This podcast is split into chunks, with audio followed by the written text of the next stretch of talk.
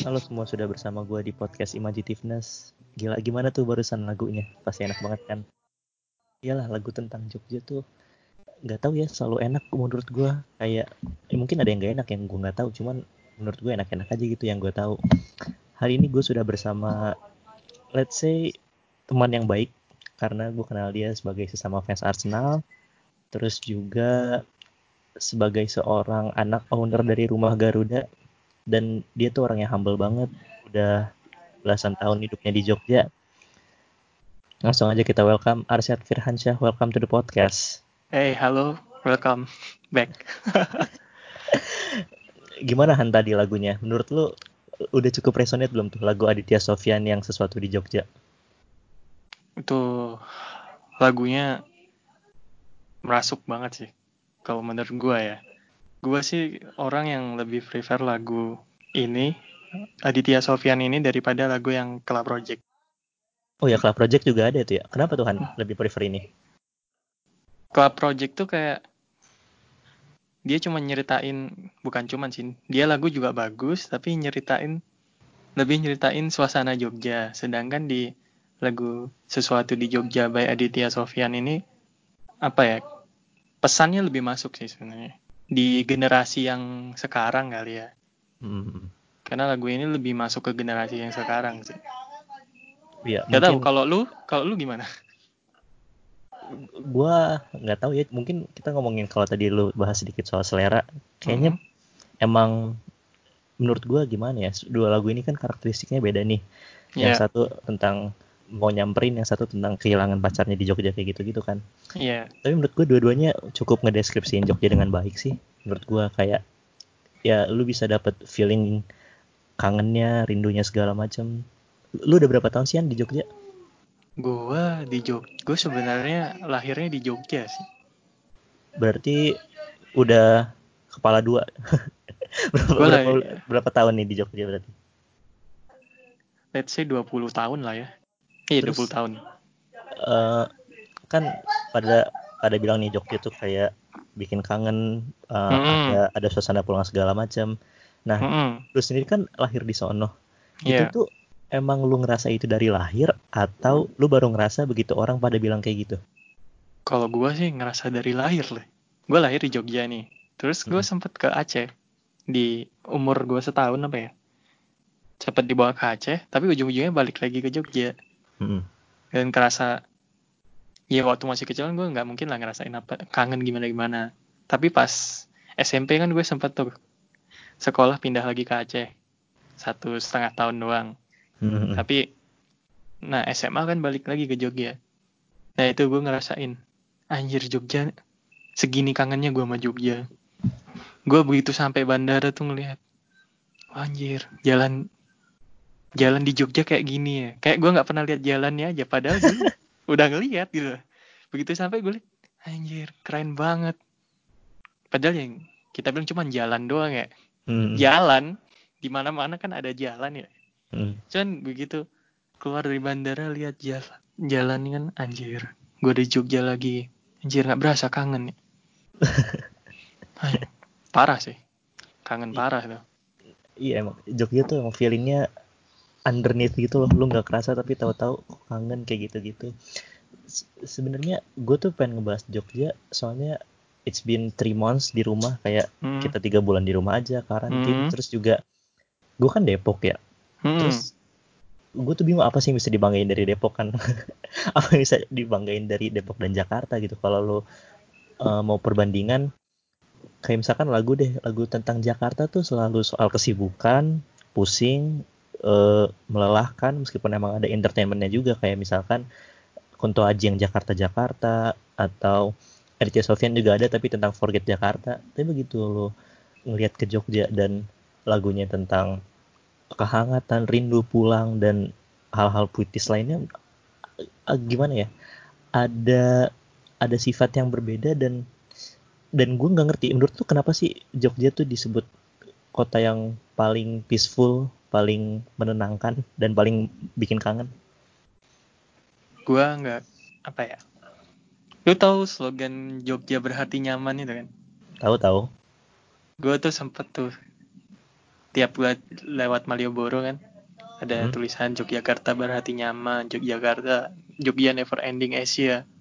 Gue mikir, "Eh, apa sih yang bikin nyaman di Jogja? Padahal Perasaan tuh Jogja tuh ini lah, hidup di Jogja pun juga berat gitu. Hidup dengan UMR yang ala kadarnya menurut gue. Gue lihat UMR daerah lain anjir kok gede-gede lihat di Jogja ya elah ya Hmm. ampun kok kadang merasakan kagak adil kan cuman Iya. lihat lagi di kehidupannya tuh orang-orang Jogja tuh nggak ada yang kayak ini tuh gue tau nggak sih kayak kalau orang gue nggak iniin orang daerah-daerah lain ya kayak Iya, tadi iya. dibilang rasis lagi kan gue ngelihat orang Jakarta sama orang Jogja di kehidupan sehari-hari itu kerasa beda banget ya Gimana tuh bedanya? gue kan ini ya sering kan jalan tuh ke Jakarta ngeliatin orang-orang tuh kayak hidup dengan dirinya sendiri gitu lah. sama kayak gue gimana gimana bilangnya ya kayak terlalu berpacu dengan waktu lah gue bilang Hmm. Jog- Jogja itu masih bisa slow Hmm. Jadi lu mau ngapa-ngapain nyaman gitu kayak nggak ada nggak ada sesuatu yang bakal ngejar lu gitu di Jogja Hmm. yang gue rasain sih gitu Berarti emang karena apa ya? Karena slow pace mungkin Jakarta tuh terlalu fast pace, selalu apa-apa rush di mana-mana, kesibukan di mana-mana. Jakarta tuh melelahkan banget, men. asli gue orang Parah. Jogja main-main ke Jakarta tiga hari itu langsung gue hamsik pengen balik Jogja lagi Em, terus kan, kan lu udah besar di sana nih, udah dari kecil dan Hmm. udah ikut merasakan gimana hangatnya Yogyakarta kan. Menurut Hmm. lu dari dulu sampai sekarang perubahan apa sih yang paling kerasa di Jogja? macet pertama tuh itu jelas berubah banget dari gue masih kecil sampai sekarang tuh yang paling kentara tuh macetnya sih udah jadi bener-bener jadi kota besar ya. Memang dulu udah bilang Jogja udah kota besar kan. Tapi Hmm. nggak serame. Katakanlah Bandung Semarang Surabaya Jakarta tuh kota-kota yang rame. Hmm. Jogja menurut gue masih sepi waktu kecil dulu. Sekarang tuh ya ampun rame banget. Gila, banyak pendatang juga sih. Memang entah anak-anak sekolahan kan kuliah kan. Pada-pada ke Jogja tuh rata-rata. Hmm. sebagai kota pendidikan kan terus wisatawan juga. Gue kadang ini nih ngerasa kesel tuh kan tiap gue mau berangkat kerja naik motor. Apalagi pas peak season tuh liburan anak sekolah. Hmm. biasanya kan Desember kemarin tuh. Hmm. gue dalam hati itu udah dongkol banget tuh. Anjir lah kok ngapain nih semua orang ke Jogja bikin gue telat gitu. Anjir gitu. Terus apa ya? Gue heran aja sih. Sekarang tuh di Jogja banyak banget motor Oh, motornya mostly itu dari pendatang atau emang warga aslinya Han? Yang menurut lu makin bikin sumpek. Nggak sumpek, makin bikin penuh Jogja. dua-duanya gue Dua-duanya. lihat di Jogja tuh aja ada ini loh motor kebangsaan Jogja tuh tahu nggak lu Apaan tuh? Honda Beat udah itu doang paling banyak gue nggak tahu kenapa ya, entah paling murah atau itu paling enak buat ke mana-mana. Tapi kayaknya sih karena paling enak ke mana-mana sih Honda Beat tuh. Hmm, sampai ada tulisan ini kalau nggak salah. Kalau cuci pakai Honda Beat cuci motor Honda Beat tuh lebih murah daripada motor-motor lain ya. Serius. gue lihat ada itu. Bukan di Twitter ada yang kirim foto itu kan. Dan gue tahu bener itu memang ada bukan editan.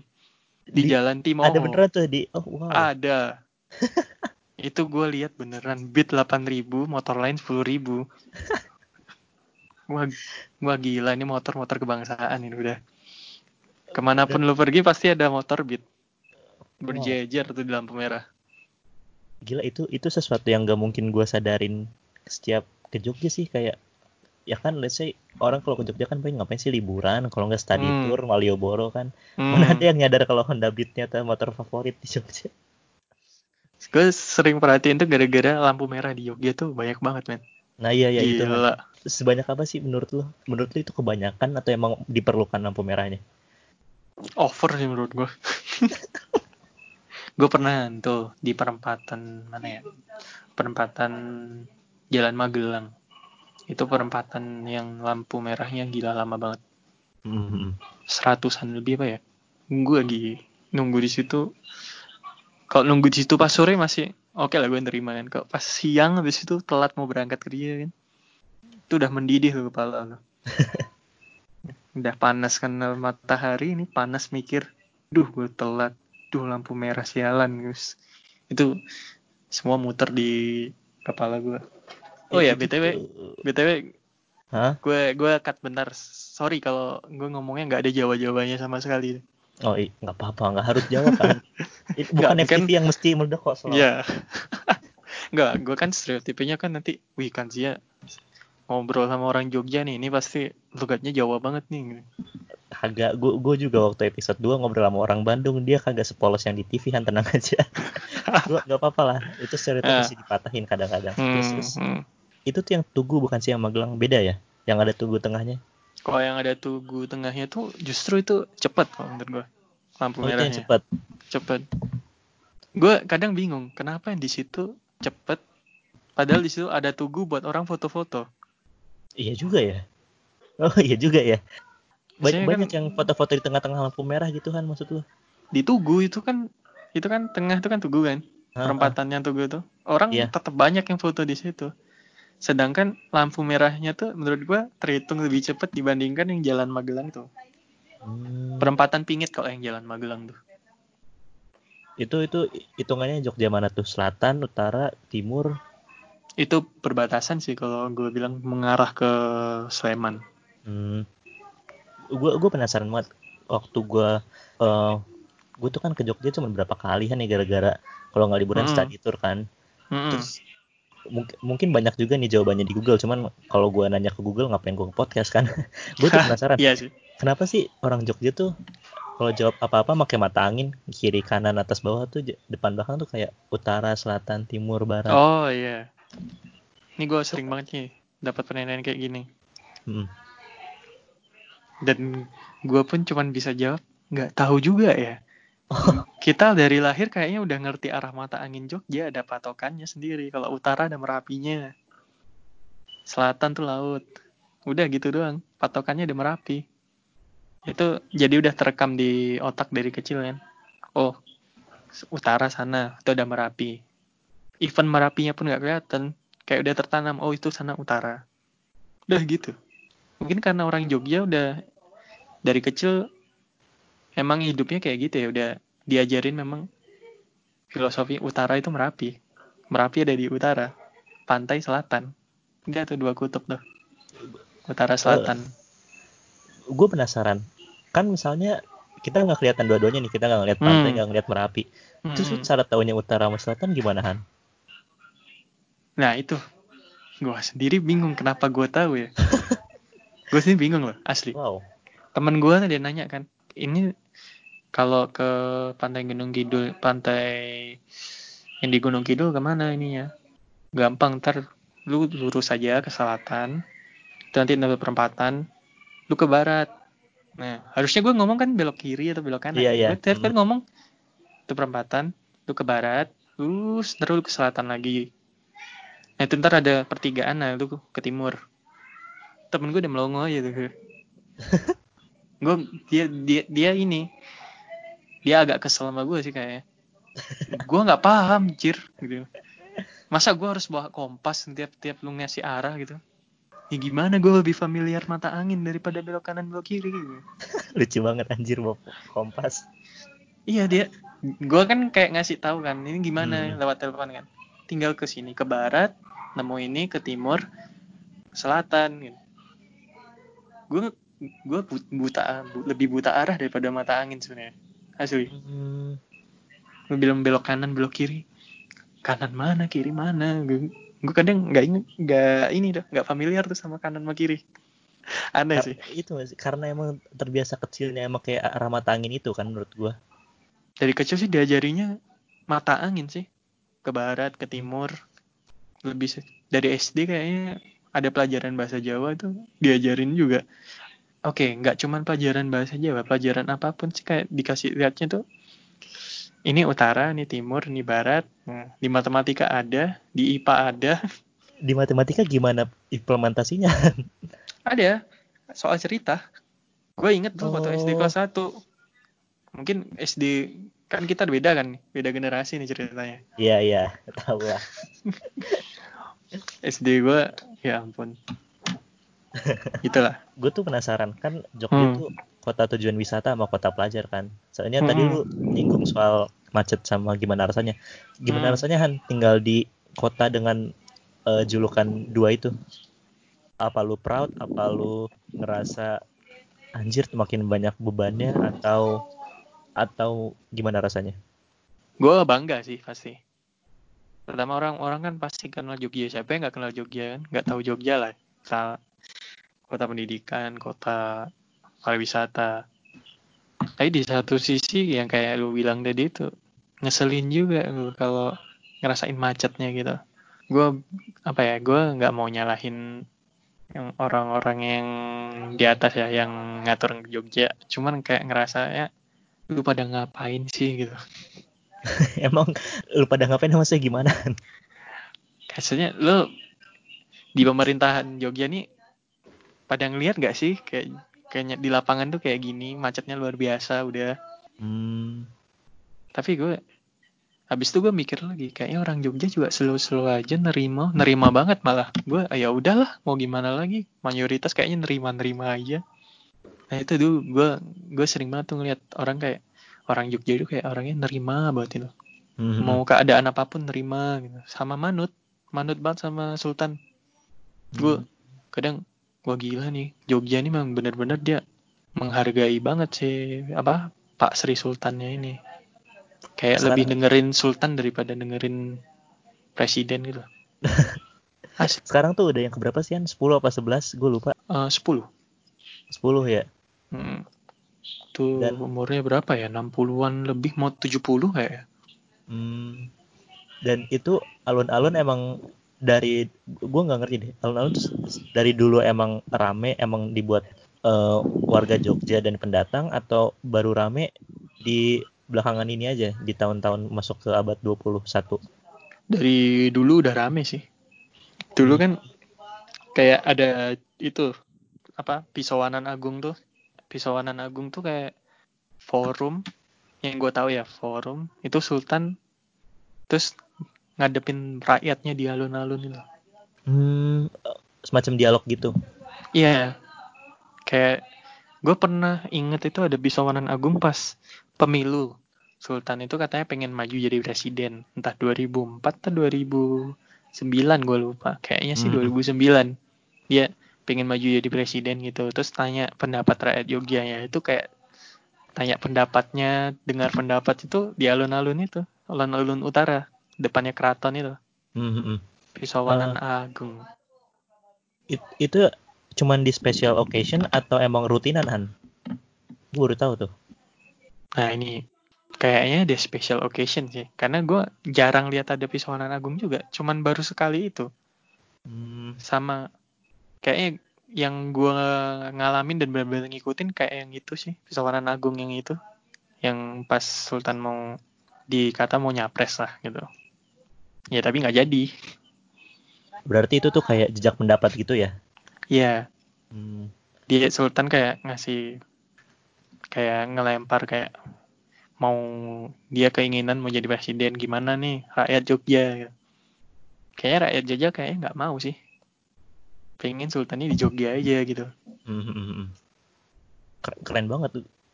Gue nggak tahu ya mungkin ada lagi gitu di daerah lain, cuman gue nggak pernah denger hal kayak gitu di Indonesia udah lama banget. kayak ini ya orang yang bener-bener orang Jogja tuh bangga karena daerahnya tuh masih punya raja sih kayaknya punya panutan dan bener-bener Sultannya memang bisa dijadiin panutan Hmm. Bener-bener. Ya susah soalnya nyari yang kayak gitu sekarang kan. hmm iya Udah pernah udah alun-alun? Udah. Gue tuh kalau alun yang ini early memory gue di alun-alun tuh main ini pohon beringin yang dua gitu. Terus Lu alun-alun utara apa selatan kan selatan itu selatan kayaknya deh gue lupa. Oh, yang ada iya. pohon beringin ya kan.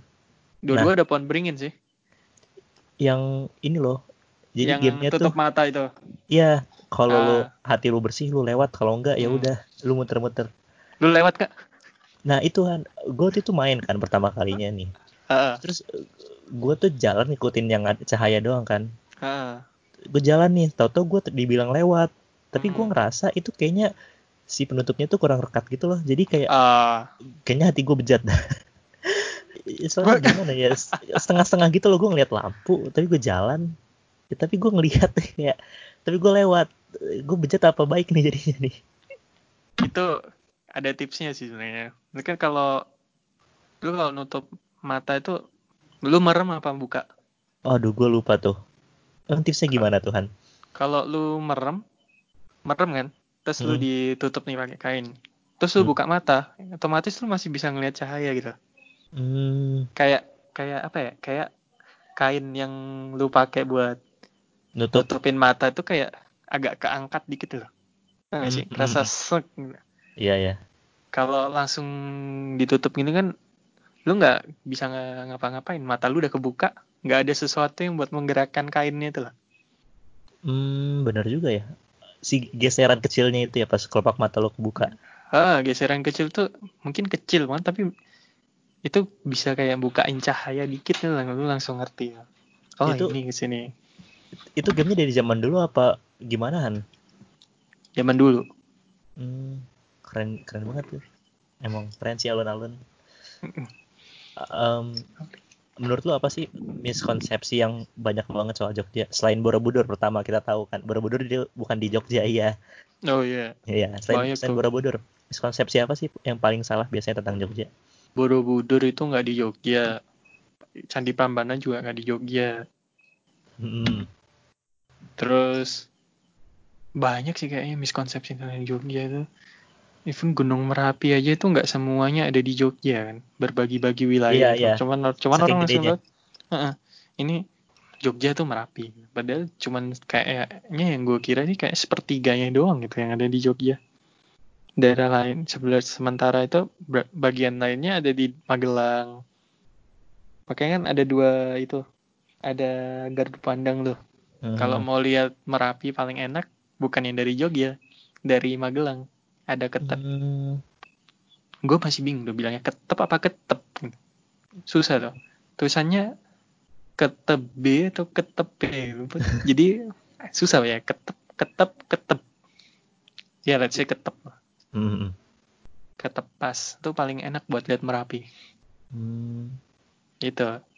Kalau lu ada nggak sih miskonsepsi yang orang-orang luar gitu kan miskonsepsi itu datangnya dari orang luar tuh yang Oh iya benar pertama benar. kali ke Jogja kalau Oh. datang ke Jogja terus ngerasa oh ini di Jogja nih padahal bukan di Jogja gitu apa tuh yang lu sering dengar kira-kira Apa ya?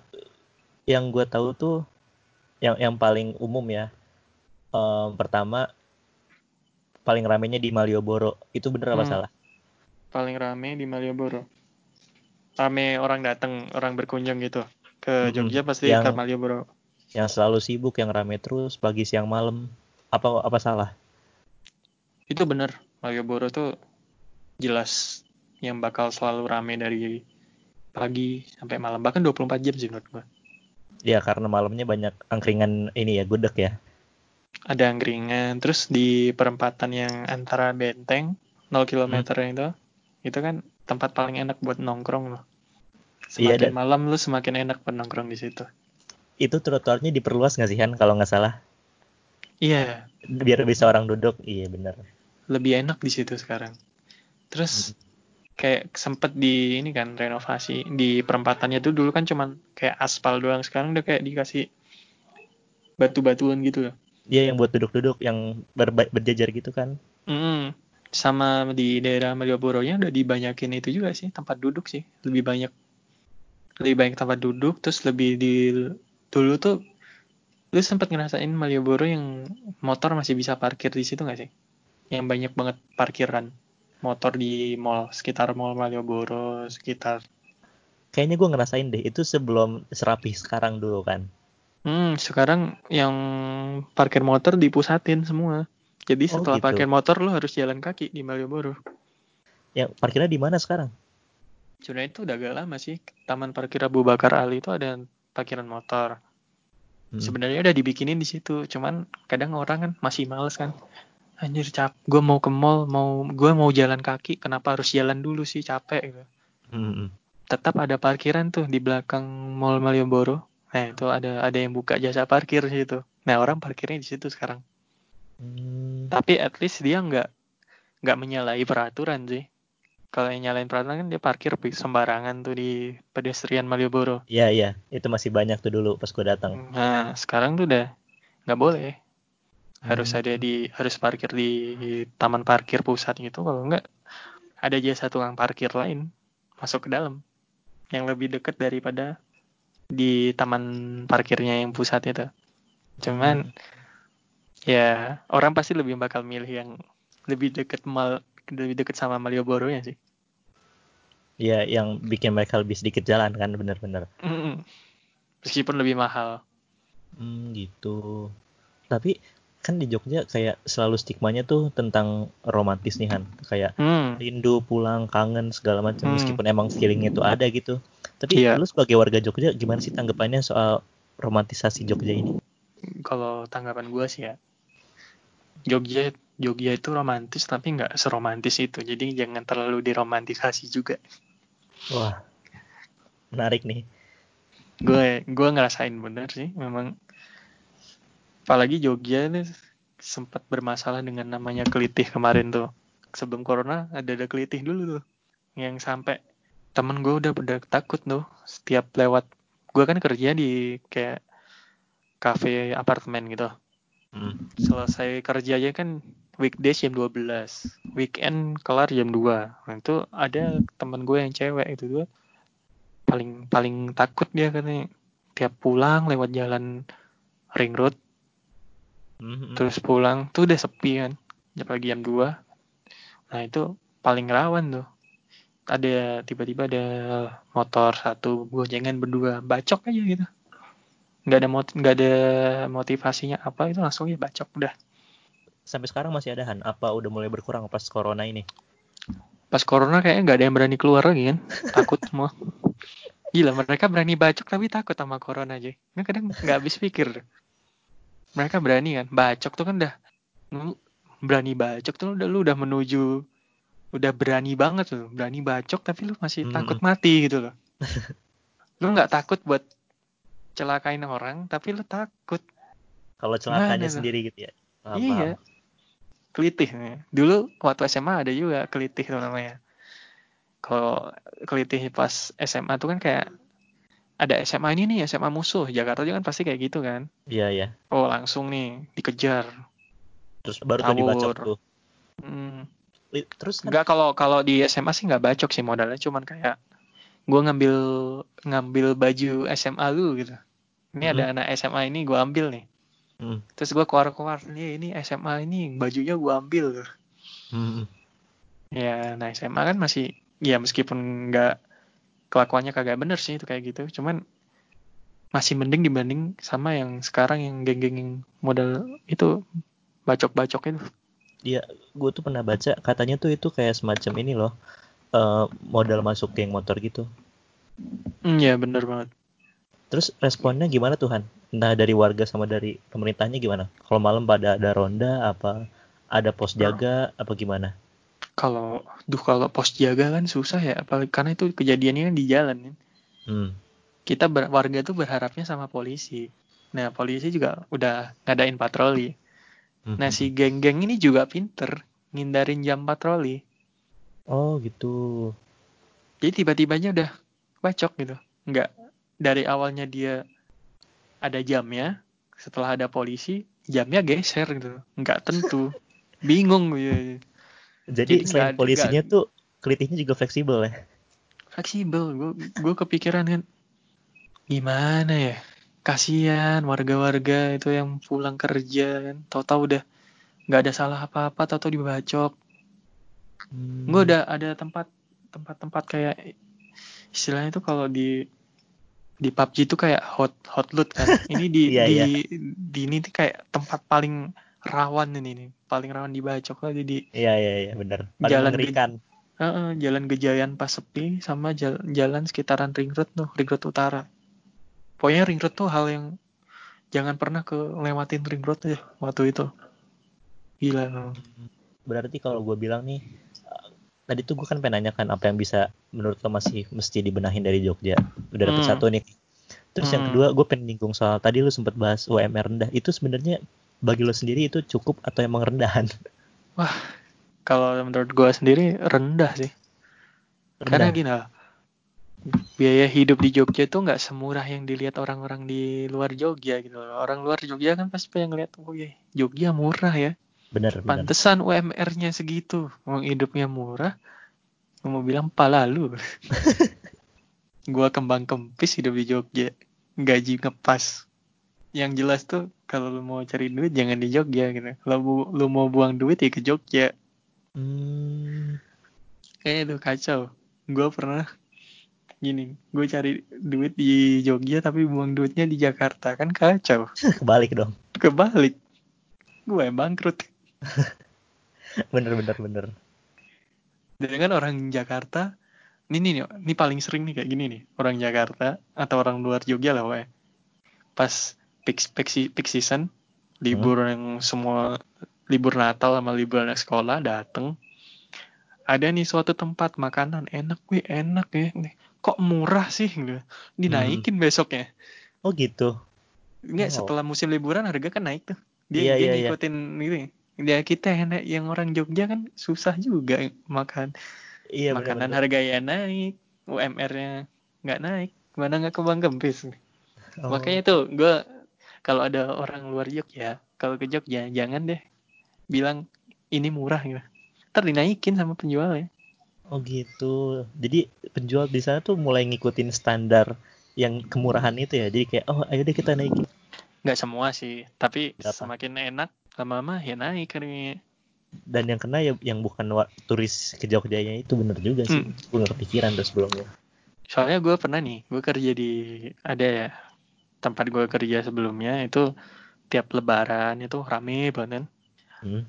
Dia jualin es teler sama makanan-makanan kayak opor dan sebagainya, makanan Nusantara gitu lah. Hmm. Awalnya harganya normal tuh, es teler 15.000 ribu. Rame kan, kenal sampai luar kota. Lebaran berikutnya naik harganya. Wes, 18.000 ribu.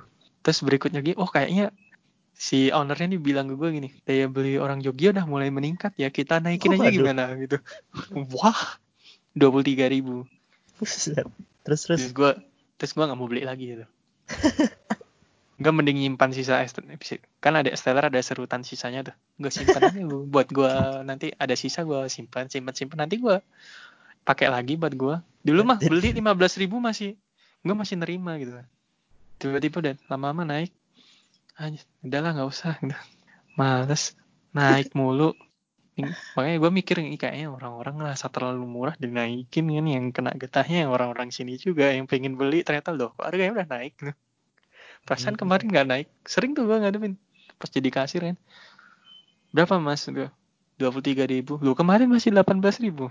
Iya bu, udah naik bu. Kelarisan di sini. Ya ketawa aja dia. Ya Oh, gila. mau gimana lagi? bener-bener gue nggak nggak nyangka ini ini loh kayak gue pikir ya emang kan pada bilang murah kan terus ya udah gitu Hmm. udah jadi standar aja gitu gue gue nggak kepikiran bakal se- serumit ini gitu masalah UMR gue pikir eh, UMR rendah gara-gara murah ya masuk akal tapi ternyata dalamnya kayak gitu keren Hmm, banget sih Nah ini nih gue ngerasain di tempat kerja gue sekarang tuh kan daerah utaranya Jogja tuh, Hmm. di daerah Sleman. Sleman itu biaya buat makan tuh udah kayak Jakarta harganya. oh Kayak 15.000 ribu tuh paling murah kayaknya. Itu pun standar. Standarnya 15.000 ribu. Kok mau makan enak ya 25, 20, 25. wow iya udah kayak harga di sini Han Nah, makanya dari itu kampus-kampus yang elit itu adanya di daerah utara Jogja.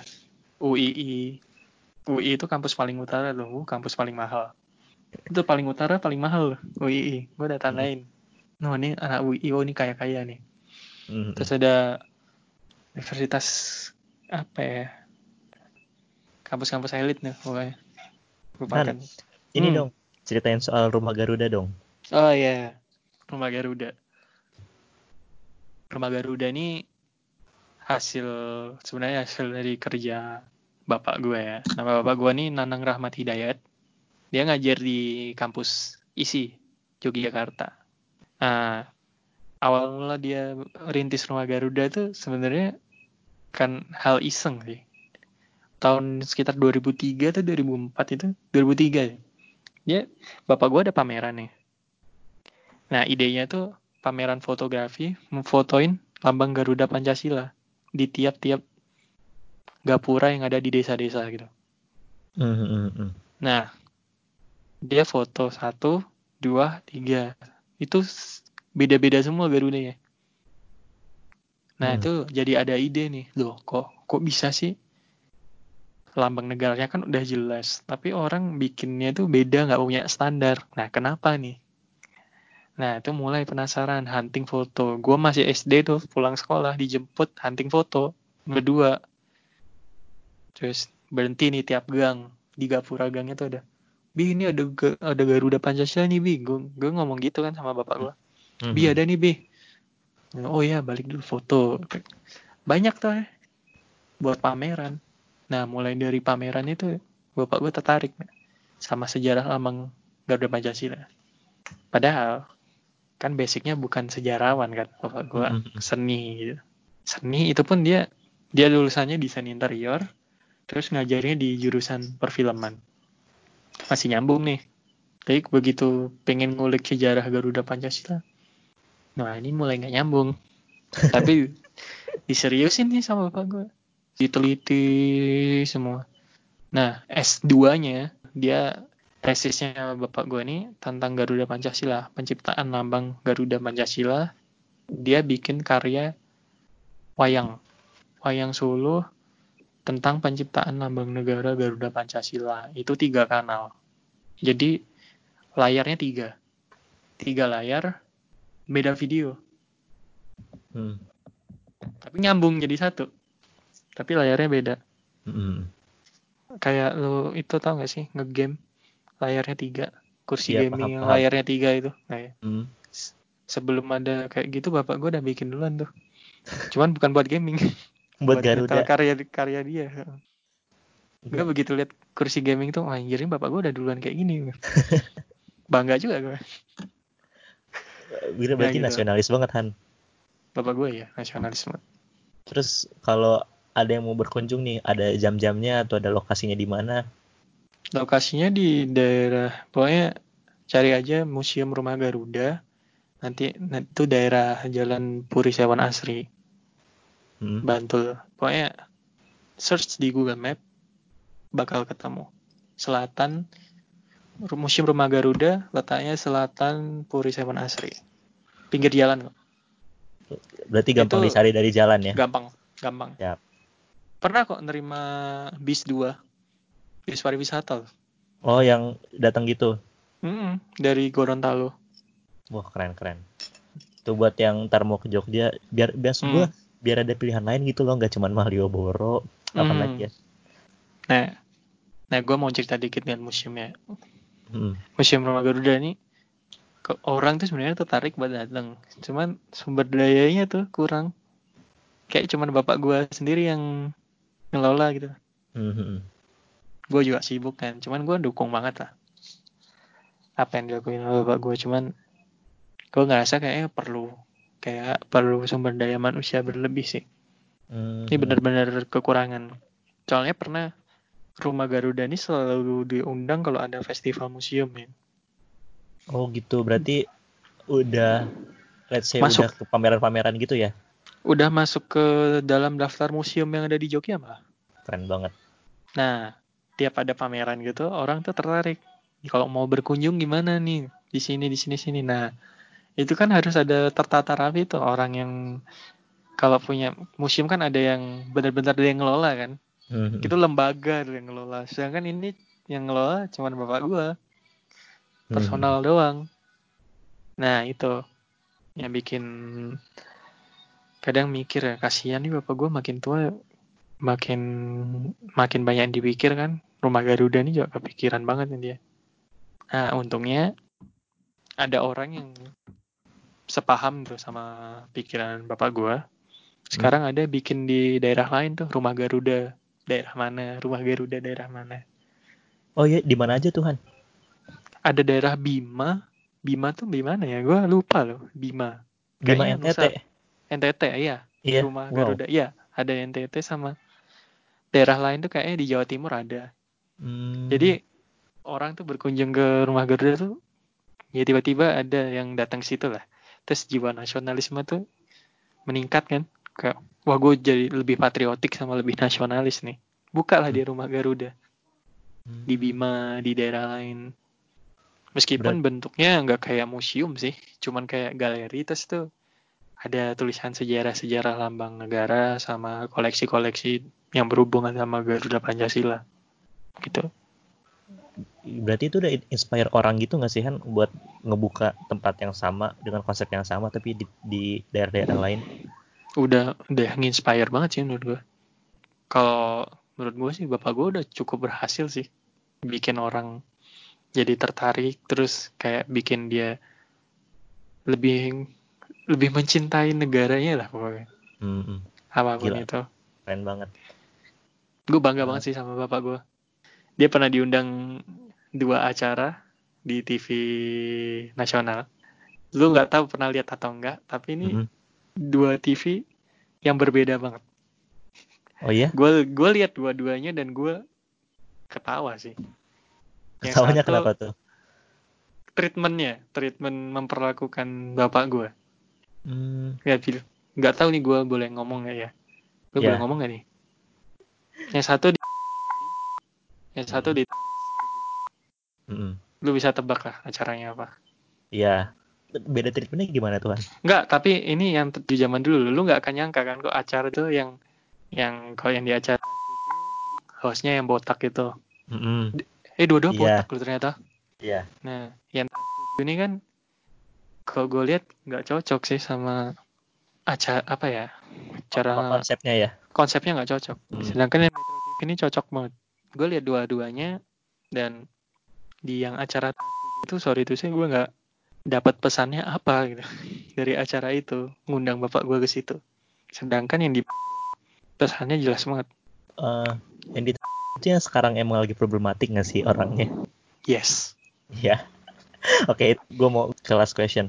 Kan kalau Sujiwo Tejo tuh bilang Jogja tuh cara caranya dia menertawakan kesibukan orang Jakarta kan. Kalau misalnya Jogja tuh dirangkum jadi tiga kata, itu apa aja? Jogja dirangkum jadi tiga kata. Iya. Tiga kata berarti tiga kata tentang Jogja ya. Gue sih kayak kayak apa aja ya? Tiga kata tentang Jogja. Kayak Instagram description gitu, nggak ada yang. Iya. gue paling lemah nih dengan dalam hal-hal seperti ini. Kalau iya, gini deh, ada dua pendapat nih. Pendapat banyak orang tentang Jogja pendapat gue ya. Kalau tentang pendapat orang lain kan pasti tiga hal tentang Jogja. Kangen, nyaman, romantis. Iya. Itu tiga hal tuh berhubungan kan sebenarnya. Hmm. Kangen, nyaman, romantis. Dan sedangkan kalau menurut gue sih Jogja itu romantis, yaps, bener romantis memang iya romantis. Dua lagi,